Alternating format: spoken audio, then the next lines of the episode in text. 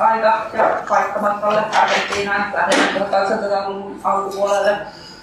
Ää, ensiksi siis itsestäni sen verran, että niinku huomataan kaikki tietää, että mä en ole tutkija, mä en ole historioitsija, mä oon vaan anarkisti, joka kiinnostaa tietää, mitä muut ihmiset on tehnyt myöskin ehkä muissa ajoissa ja paikoissa välillä. Ja että saat sitä ammennettua jotain omaan toimintaan. Eli suhtautukaa sillä esitelmänä hyvin amatöörimäisen pintapuolisen esitykseen. Ja No jonkun verran olen jotain vähän eri, eri lähteitä tässä käyttänyt, mutta historia on aina sellaista, että en ole pystynyt tarkistamaan, koska kaikki nyt ihan oikeasti just niin kuin juuri siinä omassa lähteessäni niin oli, että vaikka olisi jotain pieniä numerokokia tai muuta, niin antetaan anteeksi tai pitää parempaa. Öö, joo, eli jos me aloitamme, niin tota, Argentiina siis 1800-luvun toisella puolella oli maa, joka teollistui hirveän kovaa vauhtia. Siellä oli eurooppalainen uusi eliitti, joka rakensi rautateitä ja satamia ja houkutteli sinne investointeja. Ja sitä kautta tarvittiin tietenkin myöskin työläisiä kaikkia pyörittämään. Ja tota, tosiaan niin kolme miljoonaa siirtolaista muutaman vuosikymmenen aikana 1870-luvulta 1910-luvulle muutti sinne, mikä vaikutti tietenkin yhteiskuntaan monella tavalla. Yksi oli se, että sieltä, vaikka se olisi helppo päästä Argentiinaan, niin sitten oli hirveän vaikea saada kansalaisuutta tai mitään kansalaisoikeuksia, eli sen takia siellä niin kuin suuri osa työväestöstä eli aika irrallisesti siitä, siitä järjestelmästä. Ja tota, ja sitten toinen tällainen, niin mikä loistaa sinua anarkisteille hedelmällistä maaperää oli se, että sitten tietenkin vaikka se se muutenkaan ei ehkä niin nationalismia rakennettu samalla tavalla kuin Euroopassa siihen aikaan, koska eliitti omaa elämällä eikä hirveästi ajatellut, mitä niiden duunareiden päässä liikkuu, että nähty sellaiseksi tärkeäksi asiaksi. Tavallaan semmoinen nationalistinen ajattelu ja kansallisidentiteetti oli tosi heikkoa, mikä tietenkin auttoi anarkisteja kommunikoimaan ihmisten kanssa, koska jättiin tällainen aika perustavanlainen maailma. Mutta sitten näihin tota, ää, tosiaan siirtolaisia tuli paljon, mutta sitten samaan aikaan Euroopassa tapahtui aika paljon ja sitten kävi niin, että aika paljon poliittisia pakolaisia päätyi Euroopasta. Kaikki Argentiinaan. Tai kaikki tietenkin sinne tänne Yhdysvaltoihin, mutta Argentiinassa oli aika iso suma, lähi 1870-luvulla Pariisin kommunin tukahduttamisen jälkeen, kun monet joutuivat lähtemään, niin sitten tuli tällainen ilmiö, että samaan aikaan Buenos Airesin ja Argentiinaan tulee hirveästi eurooppalaiset. No, tietenkin ne kaikki militanteimmat ja aikaansaavimmat ja ääräkkäimmät ne, joita poliisi eniten jahtaa, niin koko Euroopasta sattuu olemaan samassa paikassa. Ja sitten taas niin siihen aikaan Euroopassa jo, 1870-luvusta vaikka 1880-luvusta, niin se poliittinen toiminnan vapaus oli ihan erilaista, koska oli jo ne niin anarkistivainot käynnissä. Mutta sitten taas Argentiinassa se tilanne oli siinä vaiheessa vielä niin paljon vapaampi. Toisaalta ei ollut niin kuin hirveästi minkälaista työlainsäädäntöä, minkä takia sit, tota, olivat myöskin aika vihaisia, koska oli niin kuin palkat oli olemattomia, työpäivät oli hirveitä, työolosuhteet oli karmeita, mutta sitten ei ollut myöskään sit sellaista niin kuin poliittista toimintaa rajaavia lakeja, joten puoli ja toisin oli toiminnan vapaus ja oli paljon ihmisiä, jotka kaipasivat jotenkin parannusta elämäänsä. Öö, no sitten se tietysti vaikutti, että tuli ympäri Eurooppaa ja muista paikoista, että sitten niin kaikkea kirjoitin nykykielellä, monista eri skeleistä, että sitten ei tavallaan ei kaikki kumminkaan keskenään leikkinyt, vaan siellä oli niin kaikki Euroopan liikkeen keskenäisiä konflikteja vietiin sitten sinne uuteen, uuteen ympäristöön ja sitten toiminta oli aika, aika lailla sillä hajanaista, mutta joskus 1870-luvulla alkoi jo. Mutta puhuttu oikeastaan näissä missä olisi niin, niin kaikki ensimmäiset jutut. Mä en tiedä miksi tällainen nyt jäi. Mutta tota, 1860-luvulla oli jo niin jotain ensimmäisiä yhteisiä pohdiskeluja ainakin. Sitten niitä oli tosiaan tämä anarkismin perusteessa ja tämäkin luento, niin sitten täytyy näitä tällaisia perustyyppejä hevoja välillä esitellä. Eli kun italialaisen Enrico Malateston vaikutusta aika monet eri tahot on korostanut siihen, että minkä takia Argentiinassa sitten niin tämä liike lähti nousemaan. Malatesta oli siis italialainen ja elämänsä aikana vaikutti vähän siellä kuin täällä ja yleensä sai aika paljon aikaiseksi. Oli aika inspiroiva agitaattori ja pohdiskeli paljon, kirjoitti paljon, puhui hyvin, sai ihmisiä ja niin vallankumousta energiaa levitti reissuillansa. Ja hän oli täällä Argentiinassa 1885-89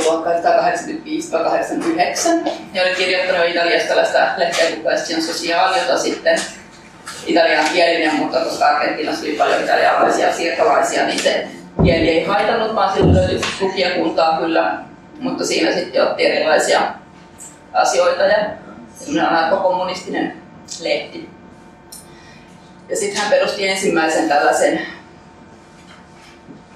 no, opintoryhmä, pohdiskeluryhmän, eli Circulo de Estudios Sociales. Tästä voisi olla vuosiluku, mutta ei ole. Se on tuolla välillä, olisiko ollut 87 aikaisemminkin. Mutta tota, rupesi puhumaan julkisesti julkisesti anarkokommunismissa sitten näiden ihmisten kanssa. Ja sitten tästä syntyi sellainen yksi järjestäytymisen malli, joka sitten niin kuin levisi, että, että tolleen voi tehdä, että voidaan pohdiskella yhdessä ja puhua julkisesti siellä ja täällä. Ja se oli yksi malli, joka levisi.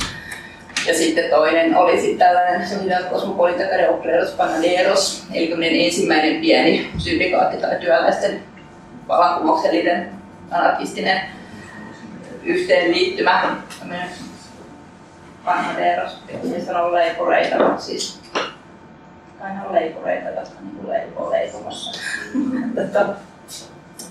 ja he sitten lakkoilivat ja vähän, ne, niitä oli pitänyt herätä kolmelta aamulla jo leipomaan ja oli niin kuin tosi pitkät ja rankat päivät, mutta kun he järjestäytyivät, niin saivat sitten omia olosuhteita se vähän parannettua, niin sitten kanssa näyttäytyi sellaisena hyvänä esimerkkinä monille muille, että tälleen voi tehdä. Ja sitten tällä oli yksi tämmöinen muoto, joka siitä sitten levisi.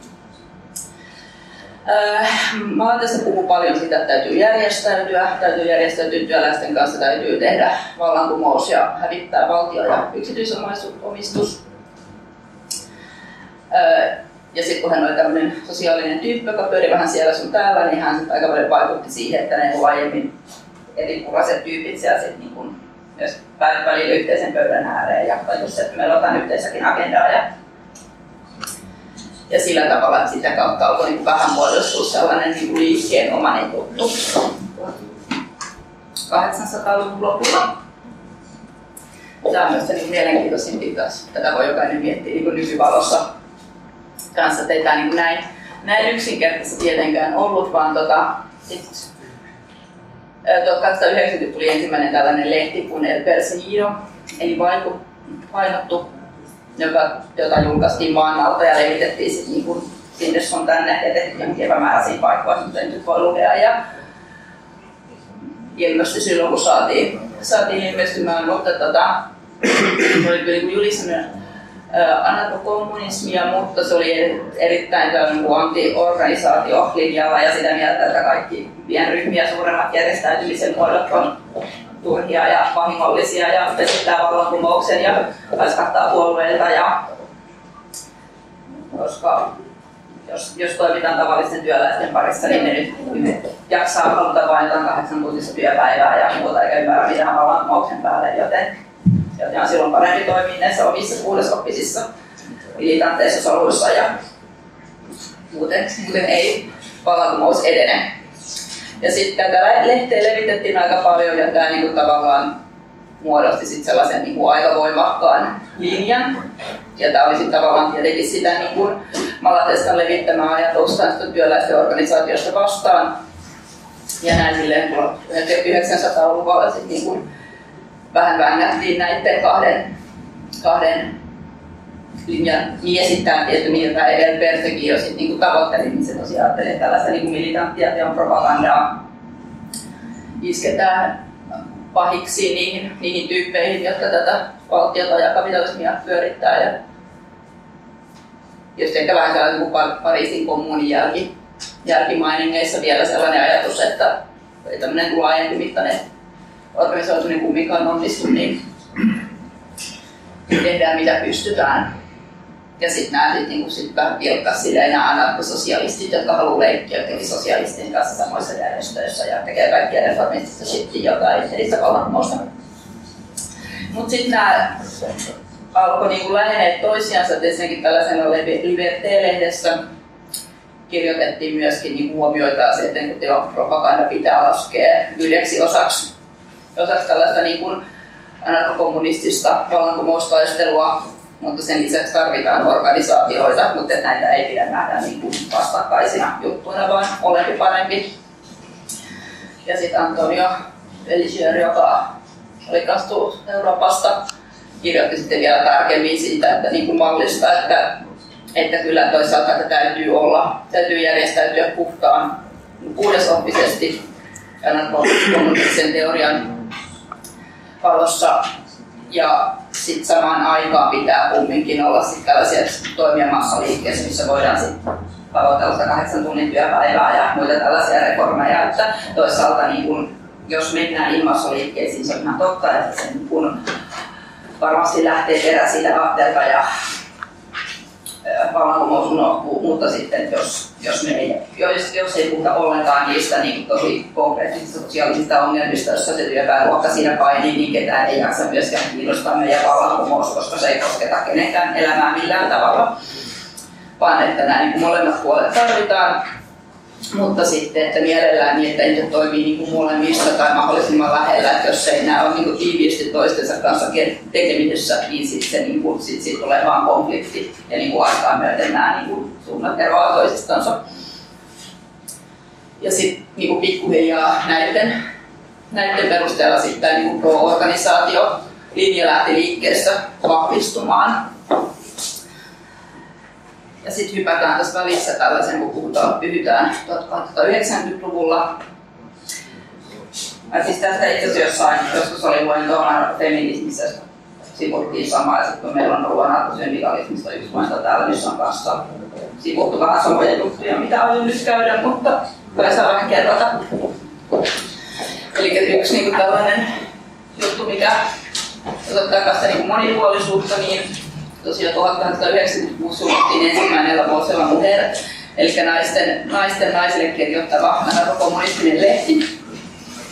Ja, tota, ja samalla tavalla niin kuin tällä aikakaudella oli vielä aika tyypillistä, niin tämä oli tosi tällainen niin kuin reformismin vastunen, vastainen ja militantti ja propagandaa hehkutettiin ja että tavallaan tämän aikaisen sosiaalisesti näitä puhui jostain niin kuin terveys, palveluista ja tällaisista aika konkreettisista ongelmista siitä, että niin työläisnaisten ongelmista, niin sitten tämä aika lailla sivusti kaikki sellaiset teemat oli sitten enemmän vapaata rakkautta ja avioliiton vastaisuutta sun muuta, jotka sitten nyt jonkun verran sitten tietysti niin löysi, löysi lukijakuntaa ja kiinnosti, mutta sitten on myöhemmin vähän, vähän arvosteltu siitä, että olisiko kannattanut olla vähän enemmän tekemisissä ympäröivän yhteiskunnankin kanssa.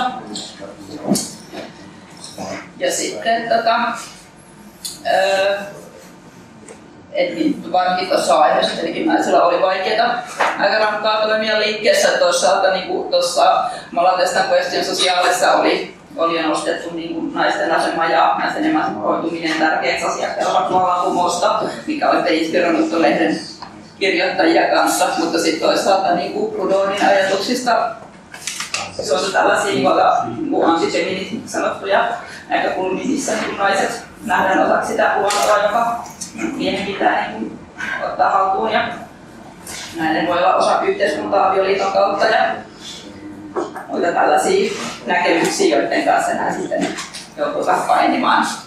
Mutta sitten se, että vaikka tuo lehti ihan hirveän kauan, kauan ollut sitä julkaistu, niin sitten se kuitenkin niin vaikutti siihen, että tuossa vaiheessa naiset olivat niin olleet aktiivisina toimijoina, niin myöhemmin muutkin näkee, että näin voidaan tehdä. Ja tavallaan naiset oli aika lailla alusta asti siinä liikkeessä mukana. Mutta niin, nyt mennään siis palataan tähän, että oltiin tapeltu, tapeltu toi jonkun aikaa siitä, että miten järjestäydytään vai eikö järjestäydytä.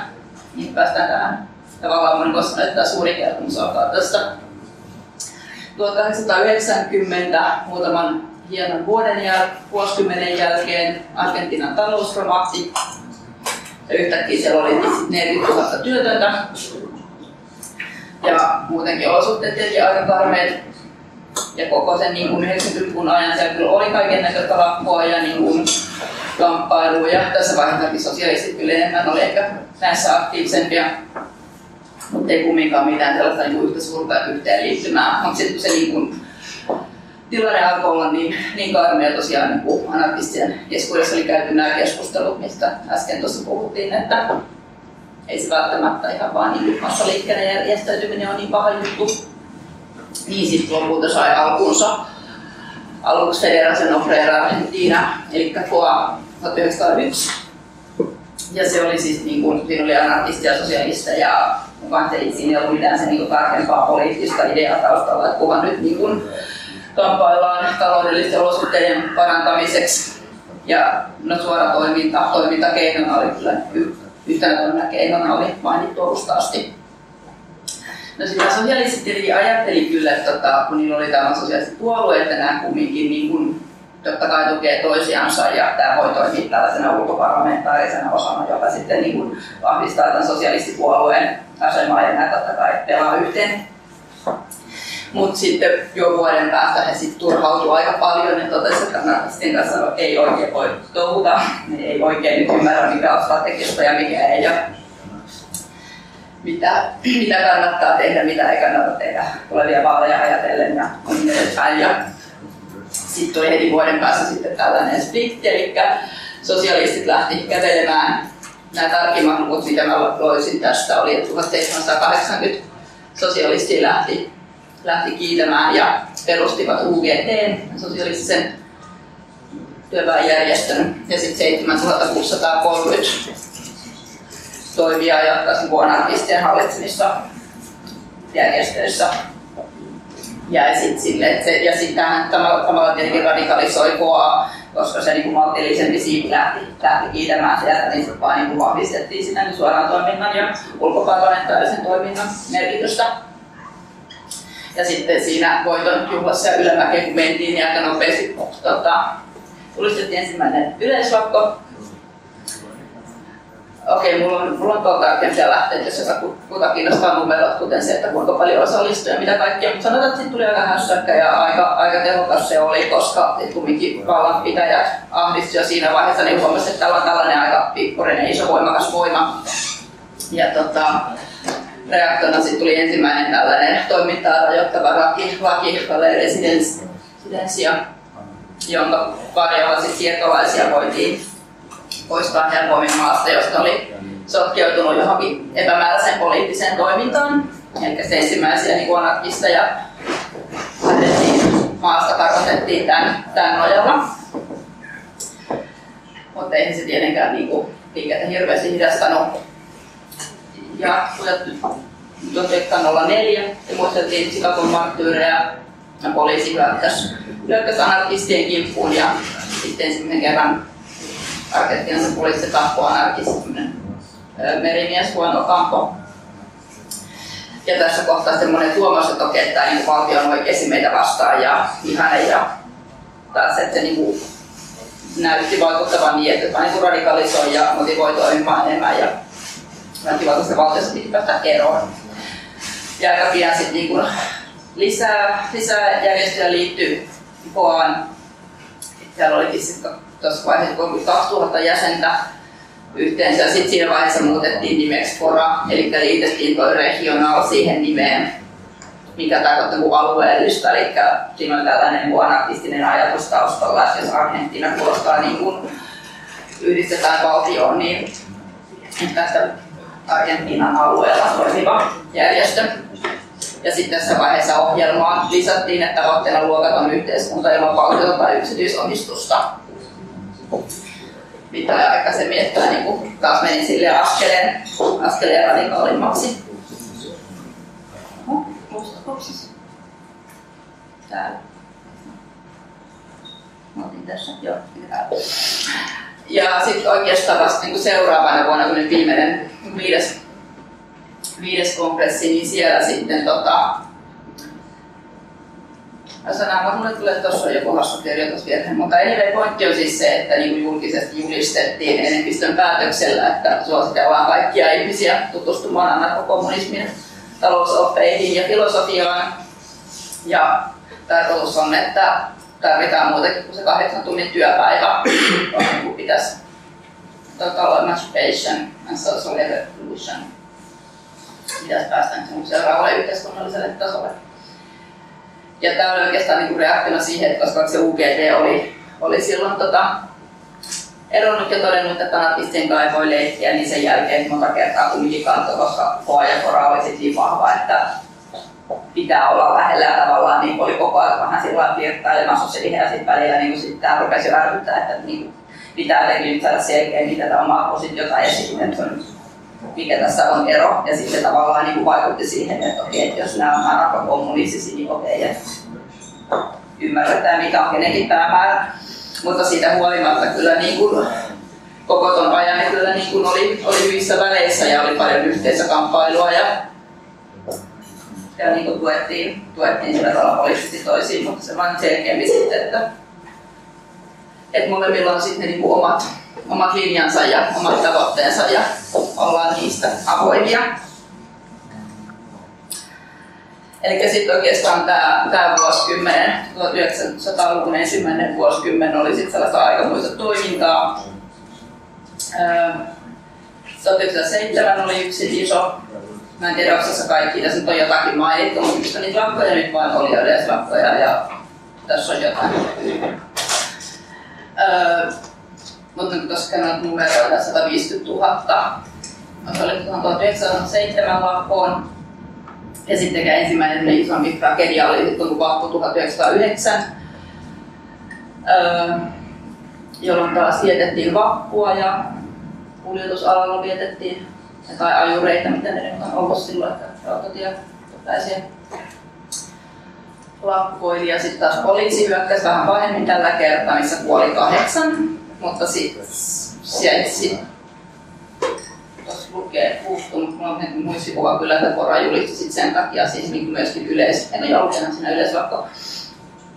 Ja sitten se oli sellaista viikon, viikon kamppailua ja lopulta sitten se porukka lissi sen verran, sen verran vahva, että poliisia joutui sitten myöntymään. Eli ne 800 tyyppiä, jotka oli otettu kiinni, ne vapautettiin ja sitten nämä kuljetusalan tyypit sai jotain omia myönnytyksiä, mitä ikinä ne olikaan. Ja tavallaan, että se niin kuin, aika rankka hinta ja rankka meininki, mutta kumminkin pääsee aika pitkälle tavoitteisiinsa.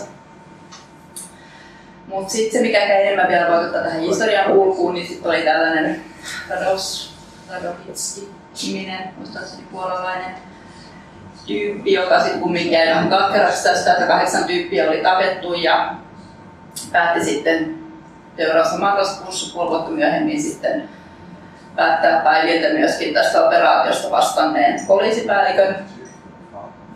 Ja tästä sitten tietenkin poliittinen murha, niin seurasi aika paljon ongelmia. Eli sitten uudestaan katsottiin, tässä kävi vielä tämmöinen kämmi, että hän oli ajatellut, että hän varmaan niin siinä pommin mukana menee itsekin ja putanut jotain viivalla anarkiaa tai jotain muuta, mikä se olisi, koska hänelle ei käynyt mitään joutua vankilaan, mutta sitten oli ilmeistä, että okei, tämä oli anarkistina tehdytään. Ja sitten katsottiin, että anarkistit on vaarallisia, koska ne tappaa ihmisiä ja alkoi aikamoiset painot.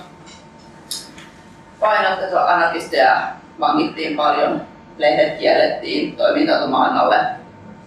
Ja sitten meillä oli Protesta, joka oli siis tosi, tosi iso, iso lehti silloin ja oli paljon Foran äänen kannattaja myöskin, mutta nämä kuitenkin molemmat tuki, tuki antoi niin kuin, ja legitimoi tätä tätä murhaa sitä mieltä, että kyllä poliisi oli käyttäytynyt ikävästi ja tappanut tovereita, niin näin voi käydä. Silleen tämä ei tietenkään auttanut mitään, että koska nämä asettutaan puolelle, niin vaan osoitti ja todisti sitä, että nämä on militantteja, vihaisia väkivaltaisia. Äh, eli tämä oli vähän sellainen, että sitten se toiminta pikkusen vaikeutui. Sitten taas 1910 yksi pommi räjähti mutta tässäkään niin pommistuksessa kukaan ei kuollut. Ettei siinä mitään henkilö, henkilövahinkoja tullut, mutta sitten sen, oikeastaan näiden molempien varjolla sitten perus, niin tuli tämmöinen uusi Lady Defense sosiaalinen yhteiskunnan puolustamiseksi tarkoitettu laki, jonka varjolla taas sitten anarkistien toiminta kävi vielä, vielä vaikeammaksi ja edellistä tiukempia tuhatta anarkistia pidätettiin, karkotettiin. Noista numeroista sen verran, että 1900-luvun alkupuolella, oliko se Buenos Airesin poliisi oli epäillyt tai arvellut, että Buenos Airesissa toimii noin 4000 vaarallisen aktiiviseksi luokiteltua anarkistia, mikä tavallaan kertoo niistä numeroista jotain. Mutta tietenkin ton jälkeen, kun aika, aika paljon tyyppejä joutui vankilaan ja karkotettiin ja muita ongelmia ja toiminta maan alla, niin sitten toiminta oli vähän hiljaisempaa mutta joka tapauksessa tai jotain saatiin julkaistua. Ja sitten näitä niinku poliittisia draamoja taas, että sit syntyi ensimmäinen maailmansota.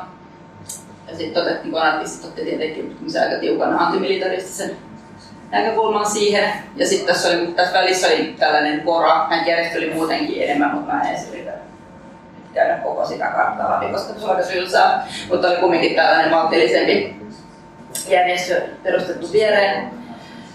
Mutta nämä halusikin sitten 1914 liittyä Foraan, kaikki järjestöt siitä. Ja se selitys oli se, että koska niin kun hekin näkevät, mitä valtiot ovat tehneet, niin maailmansota on ihan että valtiosta pitää päästä eroon, joten olen enemmän niin pro-anarkisteja. Oho, No sitten, tämä näin spoilannut. Tota, Mut, että tavallaan sen takia selitys oli se, että halutaan liittyä Foraan, koska ymmärrämme nyt niin anarkistien valtiovastaista näkökulmaa paremmin. Mutta sitten itse seuraavassa konferenssissa sitten, koska näitä koralaisia oli enemmistö, niin päätettiin pistää taas linja vähän uusiksi ja se anarkokommunismi piti poistaa sieltä tavoitteesta ja muutenkin maltillistaa Fora, mistä sitten tuli aikamoinen riita ja jako ja sitten sen jälkeen toimikin jonkun aikaa niin Fora 9, 9. konferenssin perusteella ja sitten Fora 5 oli sen Fora 5, se missä oli päädytty, päädytty sinne anarkokommunistiselle linjalle.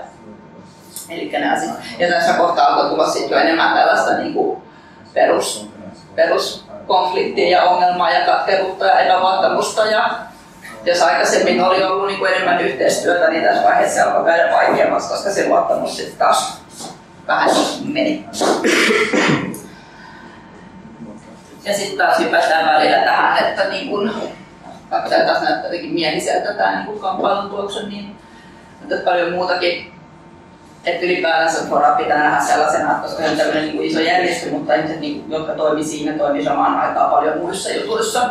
Että esimerkiksi tämä niin Virginia Volte, joka muistetaan siitä Vakosilon muherista ja tällainen vuonna Rouva esimerkiksi perusti tuollaisen Centro Feminino Anarkista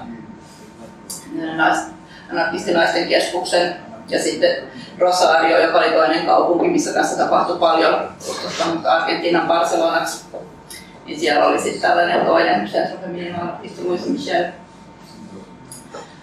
Ja, tota, ja sitten myöhemmin, mutta sitten oli taas niin kuin myös naisten lehti 20-luvulla joka oli taas siihen aikaan niin kuin ainoa artistinaisten toimittaja kirjoittama lehti. Mutta pitää välillä, nyt huomioida tämä, että sitten voidaan mennä tähän, niin, tähän tarinaan. Eli tämä on yksi sellainen, mikä niinku ehkä on aika tunnettuja tapauksia tuolta Tuota, tammikuussa 1919 oli taas yksi lakko, metallityöläisten lakko, johon poliisi poliittolaitteeksi hyökkäsi ja siinä kuoli viisi. Ja sitten tämä Pora reagoi tietenkin saman tien julistamalla yleislakon. Tässä jo kaikki kyllä tuli kaduille ja se oli tosi niin kuin, kaupunki pysähtyi ja tehokas, mutta sitten tässä vaiheessa tavallaan se niin anarkistien näkyvä akitoiminen oli ollut vähän hiljaisempaa se viimeisen kymmenen vuoden aikana. Sitten tavallaan ei ollut niin paljon sellaista teoreettista taustaa, että joku kuvaili näitä tapahtumia sit silleen, että kaikki niin jäätelistä pois menee kaduille ja jotain hirveitä on tapahtunut, mutta sitten ei enää oikein tiedä, mitä siellä kadulla pitäisi tehdä. Ja sitä on nähty sellaisena, että olisi tavallaan voinut olla tosi vallankumouksellinen hetki, ja se olisi voinut lähteä sitten johonkin muille raiteille, mutta sitten se vaan jäi sellaiseksi haahuiluksi. Ja poliisi hyökkäsi tietenkin, tietenkin tosi aggressiivisesti. Mietitään numeroa, että voiko toi olla niin kuin jotenkin väärä, mutta mun kirjassa ainakin sanottiin, että 55 000 ihmistä otettiin kiinni. Ja sitten tähän mennessä sit porvaristo oli jo keksinyt tällaisen lisäosan, että kun niinku tällaisen niinku lain puitteissa poliisin avulla anarkistien kurissa pitäminen on aina vähän rajallista, niin on paljon parempi rahoittaa sitten jotain sekopoutseja ja luoda tällaisia fasistisia ryhmiä. Ja sitten oli tällainen niin kuloliikapatriot, joka oli kasvanut jo aika, aika isoksi ja hyökkäsi sitten paitsi anarkistia lakkoilijoiden kimppuun niin juutalaisten kortteleihin. Ja yhteensä jotkut luvut sanoivat, että 700, oikeassa media sanoi, että 100. Voisit miettiä, mitkä mihin uskoo, mutta tota, tämä oli sitten tämmöinen aika, aika iso, iso isku ja tämänkin jälkeen sitten taas niin kuin edelleen taas lakeja kiristettiin anarkistisen materiaalin tuottaminen esimerkiksi muuttui laittomaksi.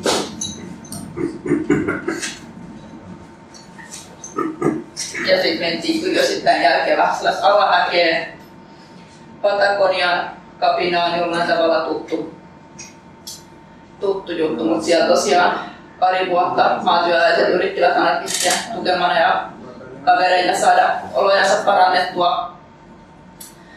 Mutta sitten yrittävät siellä jonkunlaista kansannousua, mutta 1500 sitten siellä tapettiin aika brutaalisti. Jos sitä haluaa nähdä brutaalin leffan, niin nykyään löytyy englanninkielisillä teksteillä YouTubesta Patagonia Rebelde. Se on aika karu niin tarinakin.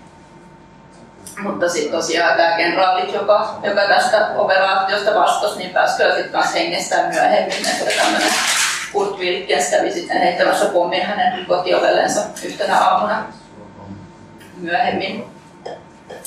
Ja sitten kun oli vähän tällaista epävakaata aikaa, niin Korassakin sitten jotenkin vaikutti, että 20-luku meni vähän maltillisempaan suuntaan ja välillä oltiin jo tekemässä sovintoa tämän Kora 9 kanssa.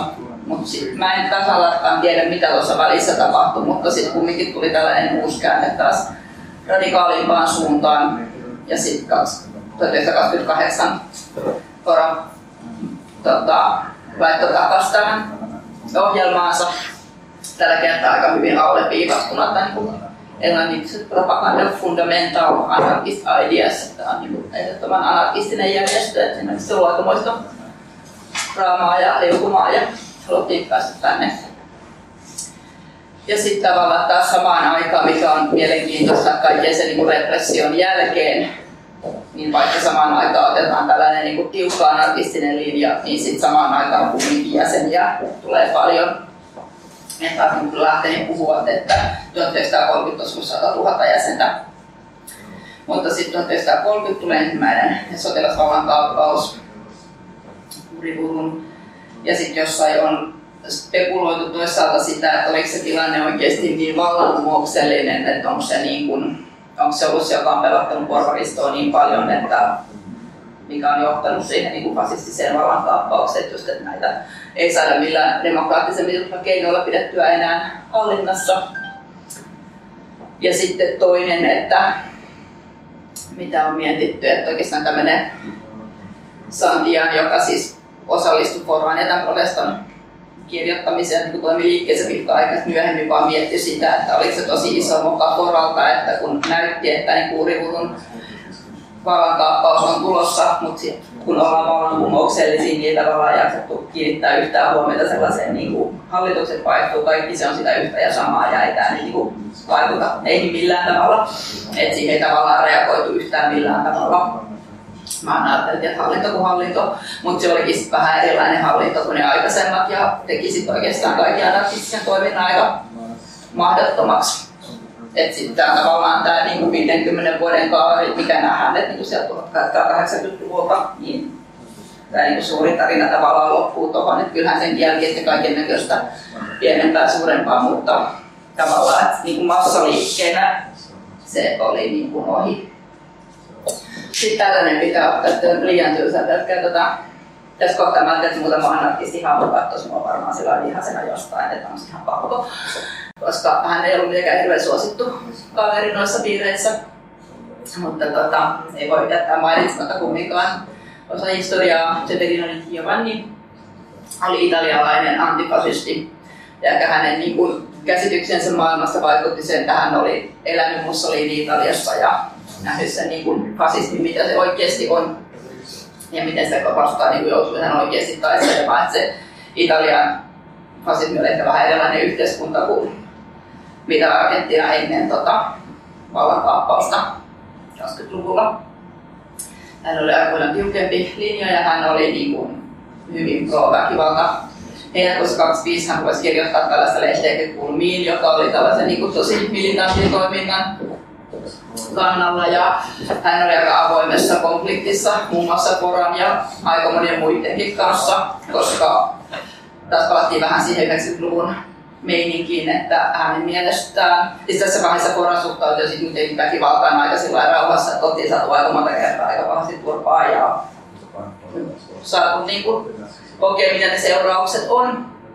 Niin ehkä sitten vähän mietitty enemmän sillä, että mihin on resursseja ja minkälaisia iskuja kyetään ottamaan vastaan. Mutta sitten italialaisen mielestä Kora oli tosi nössö, suhtautui väkivaltaan tosi nössösti ja ärsyttävä, mutta hän sitten löysi jonkun omat, omat kaverinsa ja omat porukat ja pommeja välillä vähän sinne sun tänne. Tämä on mielenkiintoista Italian lähetystöstä. Ita- Italia oli sen takia kuitenkin Mussolinin takia et, tota, yksi, yksi kohde ja siellä kuoli kuusi tyyppiä.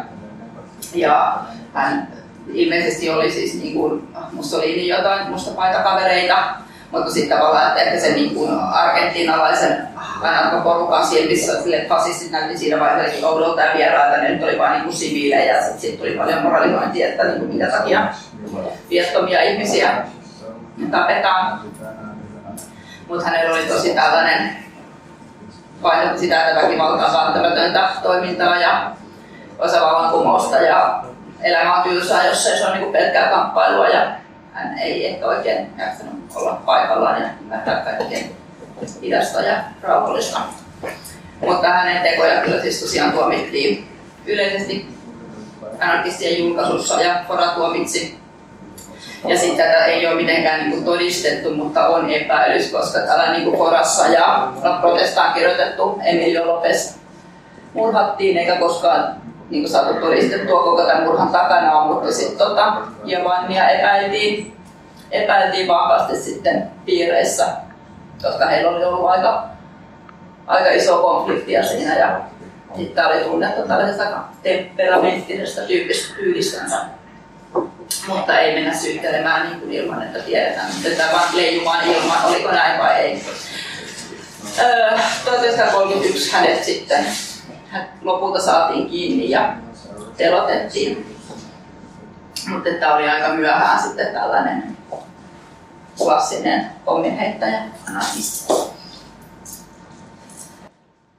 Mutta sitten tosiaan näitä, näitä syitä, että minkä takia sitten niin alaspäin lähdettiin, niin tuossa tosiaan ei ollut enää hirveästi tyyppejä tekemässä, kun osa on kartoitettu, osa tapettu, osa vangittu. Kaikki toiminta alkaa olla laitonta ja mahdotonta. Maan alkaa hirveän hankala löytää niin uusia tyyppejä. Ja sitten tässä vaiheessa siis nämä sosiaaliset liitot ja syndikalismi, maltillisempi syndikalismi alkoi kuulostaa aika monista niin kuin paljon turvallisemmalta ja kivemmalta tavalta toimia ja sitten tietenkin lopullinen kuoliisku sitten niin peronismi oikeastaan kaikille sellaiselle vallankumoukselle valtiossa vapaalle.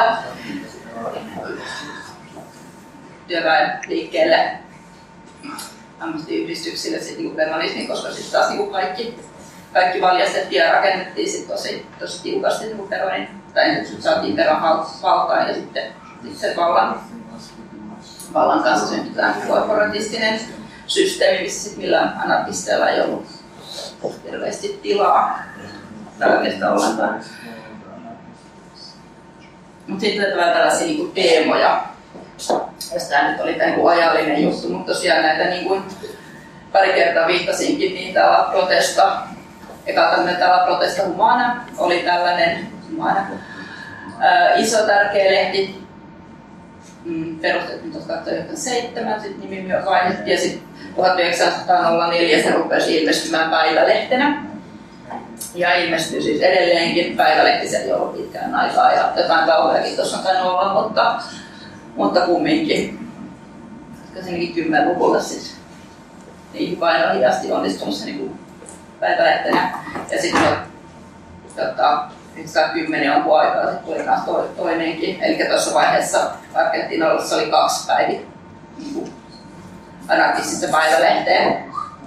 Ja sitten jonkun listan, mitä mä katsoin, että niin vain anarkistisia eri julkaisuja 1910-1919, Argentiina oli 50 eri julkaisua. Ja sitten aika varhain, nyt 200-luvun puolella alettiin aika paljon asioita kääntämään, kääntämään Espanjassa, kuten niin kuin, toi Conquistador 1995 jo. Eli siis tämä niin julkaisutoiminta oli, oli tosi vilkasta ja se oli yksi, yksi tärkeä syy, minkä takia liike kasvoi niin paljon ja tavoitti paljon ihmisiä. Sitten se, mikä on tämä toistaiseksi niin kuin sivutettu kokonaan koulutukselle niin kuin eri, toisaalta niin kuin Ferrerin Joo. ajatukset ja sitten muutenkin vaan ajatus, että sen edistysajatuksen mukainen ajattelu siitä, että kun ihmiset vaan saa tarpeeksi tietoa, niin sitten ne vapautuu tyranniasta, koska ne ymmärtää, että voivat valita itse itseänsä eivätkä olisi tyhmiin asioihin. Niin sitten tavallaan tällä niin kuin kouluttamisella ja koulutuksella oli aika iso rooli monella eri tavalla. Toisaalta niin kuin työläisiä opetettiin lukemaan, mikä tietenkin vapautti heitä sitten niin miettimään ja lukemaan asioita ja tavallaan olemaan aktiivisia henkilöitä kaikissa poliittisissa keskusteluissa myöskin, ettei myöskään voitu ajatella sille, että meillä on joku anarkisti, joka on lukenut paljon ja sitten vaan niin kuin näitä lukutaidottomia työläisiä laitetaan tekemään sitä tai tätä, vaan totta kai sen aloitteeseen kuuluu se, että niin kuin jokaisen liikkeessä toimivan pitää itse pystyä myöskin niin kuin selvittämään asioita ja lukemaan keskustelemaan valtaisena jäsenenä opintopiirejä. Tosiaan niin kuin monet eri kollektiivit järjesti pohdittiin, Pora, Poralla oli oma kirjasto, oli tai vissiin muitakin kirjastoja, vuonna kirjastot oli yksi juttu, mikä oli tärkeä. Ja sitten kun pari vuotta aikaisemmin Espanjassa oli perustettu ensimmäinen, kun Francisco Ferrer oli perustanut ensimmäisen neljäs modernan vapaa koulun, niin pari vuotta myöhemmin sitten niin kuin Koran piirissä löytyi ihmisiä, jotka halusivat järjestää vastaavalla mallilla koulun myös, myös Argentiinassa. Ja sitten et aikaisemmin kirkolla, kirkolla oli ollut hirveästi valtaa lasten koulutuksessa, mutta sitten 1900-luvun puolella enemmän valtio rupesi ottaa tätä haltuun ja sitä alkoi oikeastaan vasta kuin nationalistinen kasvatus, mutta sitten tietenkin anarkistit oli sitä mieltä, että ei sen enempää kirkolle kuin valtiollekaan pitäisi kuulua lasten kouluttaminen ja kasvattaminen, vaan tähän pitää tehdä interventio ja yrittää itse järjestää vapaita kouluja jollain tasolla. Mutta tämä on yksi sellainen, mikä on nähty. Okei, tästä nyt on tai Ovet on tyyppi, joka vaikuttaa tuolla Tel Avivin yliopistossa ja on aiheesta kirjoittanut väitöskirjaa ja jonkun verran hänen juttujensa lukenut tähän, tähän lähteeksi, niin hän on tehnyt siis tällaisen hänen mielestään näitä niin kuin keskeisiä syitä tälle menestykselle oli, no tietysti toi synkreitys sinne 1800-luvun puolella. Pystyttiin ymmärtämään erilaisia lähestymistapoja, erilaisia toimintatapoja ja sitä kautta luomaan jotain isompaa liikettä, joka pelkkää keskenäistä konfliktia niin kuin joskus jossain anarkistien keskuudessa. Ja sitten tota, niin, sit toinen iso asia, mitä mä en tähän mennessä maininnut ollenkaan, on tosiaan kulttuuri. Sen takia myöskin meillä on tangoa täällä tänään myöskin anarkistista tangoa, mutta tosiaan niin kuin anarkistinen vai, tai anarkismi vaikutti todella paljon Argentiinan kulttuurielämässä oli paljon kirjallisuutta, työläis, työläiskirjallisuutta, missä tuotiin sitten anarkistista teatterissa. No tosiaan sitä on mainittu avantgarde, siis monella tavalla, monella tavalla. Ja sitten monet tyypit, jotka vaikutti korassa myöskin, niin sitten saattoi tehdä jotain taidetta sit muuten, että saattoi olla runoilijoita tai muuta, että se ei pelkästään ole se niin kuin, että vaikka puhutaan porasta, niin se kuulostaa niin kuin, niin kuin iso tylsä järjestys siinä puuretaan, mutta pitää ymmärtää tosiaan, että teki paljon kaikkea muuta samaan aikaan, se oli vain se yksi yhdistävä tekijä. Mutta kulttuurin merkitys oli tosi, tosi iso, ainakin sen takia, että kulttuuria sitten kuuluttiin ihmiset niin kuin muissakin yhteiskuntaluokista ja sitä kautta narkistiset ideat sitten niin levisi työväenluokan ulkopuolelle. Ja sitten oli ihan näppärää kyllä, niitä sympatiseeraajia löytyi niin kuin parakkaamassakin väestä, koska esimerkiksi saatiin niin kuin varoja linkkeen toimintaan. Sillä jotkut vähän parempi parasetkin halusi edistää anarkismin kauniita ideaaleja. Öö, paljon julkaisuja, paljon koulutusta. Ja sitten tämä mitä hän on sanonut, että tavallaan, että jos on mietitty, että minkä takia sitten niin nimenomaan anarkistit eikä sosialistit vienyt tätä tilaa, niin se tietenkin var, no, anarkistit vaan sattuu olemaan paljon, koska ne kaikki niin vihasimmat oli sieltä Euroopasta päätynyt tonne. Mutta tota, sitten myöskin hän on niin nähnyt tällaisen, että tavallaan sosialistit käytti paljon monimutkaisempaa kieltä. Eli lukenut liikaa Marksia ja tai sitten niin kuin perustyöläiset vaan vähän raapsuttelemaan päätänsä, mitä mä haluan, eikä, eikä oikein innostanut. Ja sitten tavallaan, että siinä vaiheessa, kun niin kuin valtio näytti tosi epä, etäseltä, niin sitten se myöskään innostunut, että sosiaaliset tulee sanomaan, että joo, me vapautetaan ja äänestä meitä, niin sitten se äänestäisin, että, että se oli ehkä sellainen, että nyt ollaan niin totuttu paljon myöhemmin siihen, että on erilaisia puolueita, mutta että se oli niin kuin, tavallaan rapistit näytti niin kuin viattomimmilta, jotka vaan niin haluaa ihmisiä puolustamaan omia oikeuksiansa eikä yritä maanitella käyttää toisia omiin valtapyrkimyksiinsä. Ja sitten toki, että niin sana aattelin eliitti kuulostaa tietenkin aivan karmealta, mutta siis totta kai on ihmisiä, jotka on omistautunut jonkun niin kuin teorian pyörittelylle ja pohdiskellut niitä ja jotka haluaisivat kumminkin niin kuin laajentaa näitä ajatuksia. Niin sitten tavallaan ope näkee, että se on jotenkin toiminut tosi hyvin, että, että ihmiset vaikka onkin ollut, uh, ollut tieteen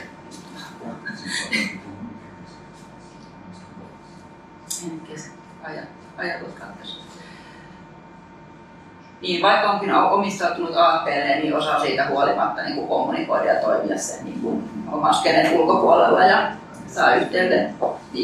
Sitten nämä tavallaan nämä kaksi viimeistä niin liittyy toisiinsa myöskin, että ei olla, ei olla oltu elitistisiä, mikä olisi kaventanut. Ja sitten mä, okei, okay, tämä historiikki oli tässä, että mä en niin kuin muuten, nyt tässä on tapahtunut paljon ja mä en niin kuin mene mihinkään ajallisesti ollaan päädytty tähän, mutta sitten, että osoittaaksemme, että kumminkin aate elää ja valtio on edelleen julma ja ikävä, niin tiedät kaikki huomannut tällainen, tällaisen keissin, mikä tapahtui viime syksynä, että tällainen anarkisti, joka Maputsen kanssa tappeli Benettonia vastaan, joka halusi ryöstää Maputsen maat lampaileensa vissiin mutta sitten kun, kun siellä kamppailivat, niin sitten, sitten armeija puuttui ja ja hän oli vähän aikaa kadoksissa, kunnes sitten ruumis löytyi joesta pahoinpideltynä. Eli käytännössä valtio siis tappoi hänet. Ja sitten, sitten tietenkin Argentiinassa nousi, nousi koru ja jonkun aikaa ostettiin. Kadot näytti taas tuolta. Ehkä siis sen historia elämässä on paljon ollut välillä, mutta, mutta, mutta paljon sen myöskin jättänyt. Sitten nämä tällaiset tosi hassuja, mä lupasin silleen, että pitää miettiä silleen, että mitä voidaan saada, niin kuin, onko tässä oppia yhtään mitään tässä, tässä vaiheessa, niin sitten oli pakko miettiä silleen, että mitä tässä minussa on sellaisia elementtejä, jos palataan sitten niin tähän aikaan ja Pohjois-Eurooppaan, niin sitten tavallaan, että mua niin kiinnostaa itse niin noita historioita lukea, niin tavallaan se niin siirtolaisuuden merkitys ja siis silleen niin kuin sellaisena niin kuin nationalismin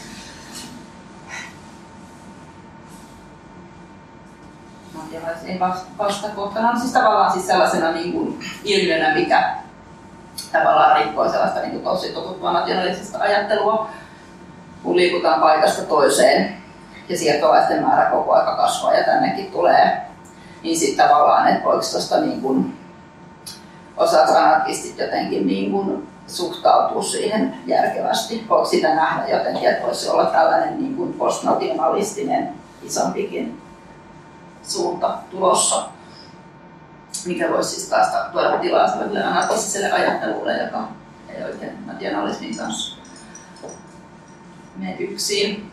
Ja sitten niin tämäkin siis toinen se, että niin tähän samaan, että myöskin tällaiset niin repressioaloskin kasvaa Euroopassa ja muuallakin, että sitten tavallaan, että osataanko me esimerkiksi hyödyntää sitä, että jos meillä on poliittisia pakolaisia tai muuta. Tietenkin kieliasiat on sellaiset, että pitäisi tietenkin jo, että pystytään kommunikoimaan paremmin, mutta että tavallaan, että totta kai solidaarisuus on tärkeää, mutta sitten myöskin, että se pelkästään sitä vaan voidaan kun esimerkiksi myöskin niin liikkeenä, mitä me voidaan saada siitä, että jos ihmisiä joutuu jostain muualta, missä on oikeastaan tällä hetkellä tukalampaa tai juuri niillä henkilöillä, että sitten tavallaan ajatukset ja energiat ja anarkistinen kulttuuri voisi siinä voisi nähdä myöskin sellaisena juttuna. Ää, no sitten tietenkin jo tuolla, tuolla tuo niin vuosisadan vaihe, kapitalismin kriisi, ihmiset radikalisoitu katsoa, että tämä homma ei toimi, mulla on hurjaa, niin sitten tavallaan, että mulla on taas vähän, näitä tulee ja menee, mutta taas ehkä vähän, vähän eri tavalla, että miten me niin kuin, että jos tavallaan, että 1880-luvulla oli just sitä mietitty, että niin järjestäydytäänkö vai eikö järjestäydytä ja mitä tehdä. Ja sitten oli tavallaan rakenteet ja ajatukset kunnossa ja sitten tulee se talousromahdus ja yhtäkkiä kaikki on sillä vihaisina ja onnettomia, niin sitten tavallaan, että se oli ehkä niin ajatuksellakin tai sattui olemaan hyvä ajatus, niin sitten tavallaan, että miten me tällä hetkellä mietitään sitä, että tuolla alkaa olla niin kuin omien piirien ulkopuolella ihmisiä, joita alkaa ihan oikeasti ketuttaa. Ja sitten tavallaan tähän liittyy, että ehkä että vähän tällainen niin kärjestetty, mutta jotain, niin kuin, jotain piirteitä tuolla kehitystä oli niin kuin 1900-luvun alku ennen mitään kulutusyhteiskunnan hyvinvointivaltioiden tällaisten keksimistä ja sellaista niin tosi brutaalia kovaa kapitalismia. Ja sitten tavallaan, että monissa syistä tuntuu, että ollaan menossa takaisin vähän samaan, samaan suuntaan, esimerkiksi resurssien riittävyyden ja monet ekologiset jutut, että ei vaikka ajatella, että me, ja me ehkä mennään nytkin siihen, että ihmisiä tavallaan enää pysty niin paljon kesyttää ja hallitsemaan pelkästään niin kuin kulutuksen varassa, vaan sitten saattaa olla sellaisia brutaalempia vanhanaikaisempia hallintatapoja vastaan, niin tarkoittaako tämä sitä, että sitten tavallaan anarkistinkin pitäisi enemmän jotenkin palata jossain asioissa katsoa, mitä sellaisissa niin kuin, muunlaisissa tilanteissa ollaan, ollaan saatu tiedekään mitään niin kuin, tämän ajan hyvyyksiä pois jättämättä. Ja siis silleen että pitäisi lapsia lähteä tappamaan pesuvesissänsä, mutta tavallaan jollain tavalla siitä vähän klassisen makauden ajatuksiin jossain asioissa. Ja sitten taas yksi sellainen, että to, mitä en maininnut, mutta aina kun tuli noita niin uusia repressiolakeja tuolla Argentiinassa, niin ei sitten aina tällaista ennen sitä sotilasvallankappausta eli niin, niin yksinkertaisesti. Kyllä siellä oli sitä niin kuin liberaalia oppositiota myöskin, jolla oli käsitys Argentiinasta, että se on just semmoinen kiva, vapaa kaikkien maa ja sitten se vähän niin kuin romutti sitä mainetta, että tulee tällaisia ikäviä anarkisteja, kiusaavia lakeja. Niin niin sitten tavallaan se, että, että siellä oli just sama juttu, että kun niinku otteet koveli, niin sitten samaan aikaan sit siihen jää sellaiset niinku liberaalit, jotka aikaisemmin ihmetelleet, mitä nämä on, mutta siinä vaiheessa alkaa sympatisoimaan anarkisteja. Niin sitten tavallaan, että miten, miten tällaisen, että tätä samaa nyt on niin vähän nykyajassakin monissa jutuissa, että miten, miten se huomioidaan, osataanko se jotenkin ottaa vastaan, osataanko siihen suhtautua missä taas jotenkin vai, vai aihe niin, vaan miten suhtautuu. Sitten oli vielä tätä.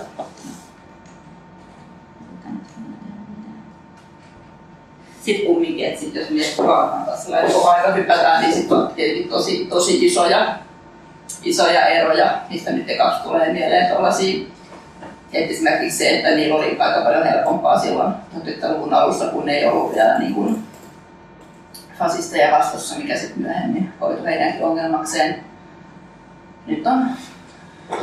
Ja sitten toisaalta se, että niin kuin mä en osaa yhtään ajatella sitä, en ole elänyt sata vuotta sitten, en ole elänyt esimerkiksi Venäjän vallankumousta ja niin kuin noita, että millä tavalla niin kuin eri tavalla niin kuin sellainen ajatus siitä, että maailma voi muuttua paremmaksi jollain tavalla niin kuin valtion kautta.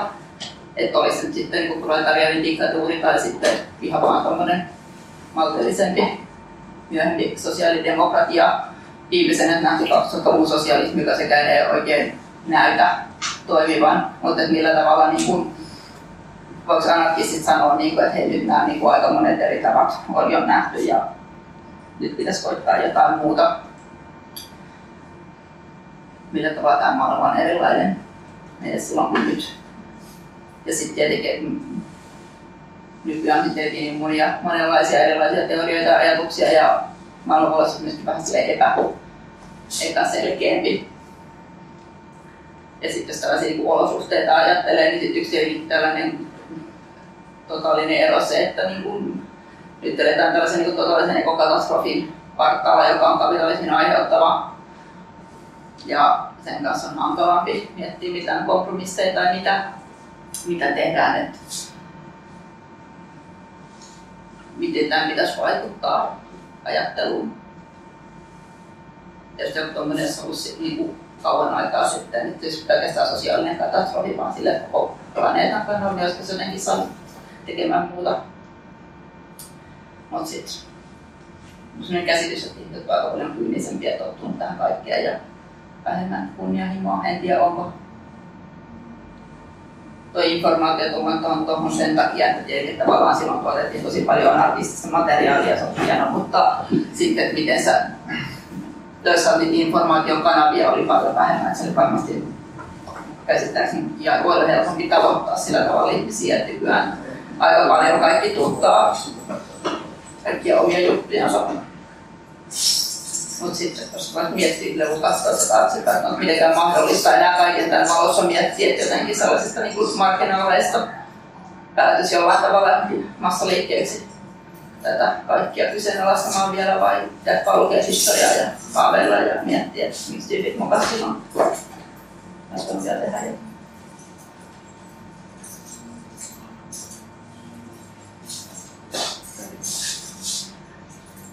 Ah, täällä on vielä. Mulla on myöskin pari kirjaa mukana, jos jotakuta kiinnostaa.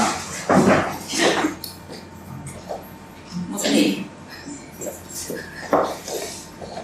Se oli siinä.